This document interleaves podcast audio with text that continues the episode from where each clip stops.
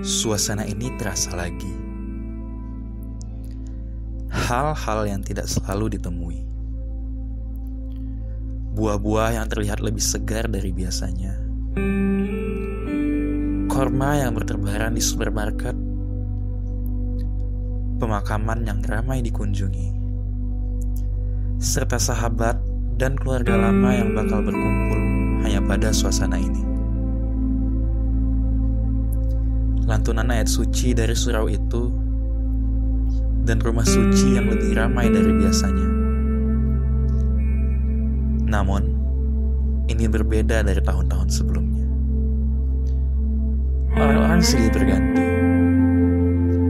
Ada yang pergi, dan ada yang datang. Namun tidak denganmu, yang pasti kembali setiap tahunnya. Semoga yang kudapat bukan hanya menahan dahaga, namun juga pengampunan dan pemahaman. Terima kasih telah hadir kembali. Ramadan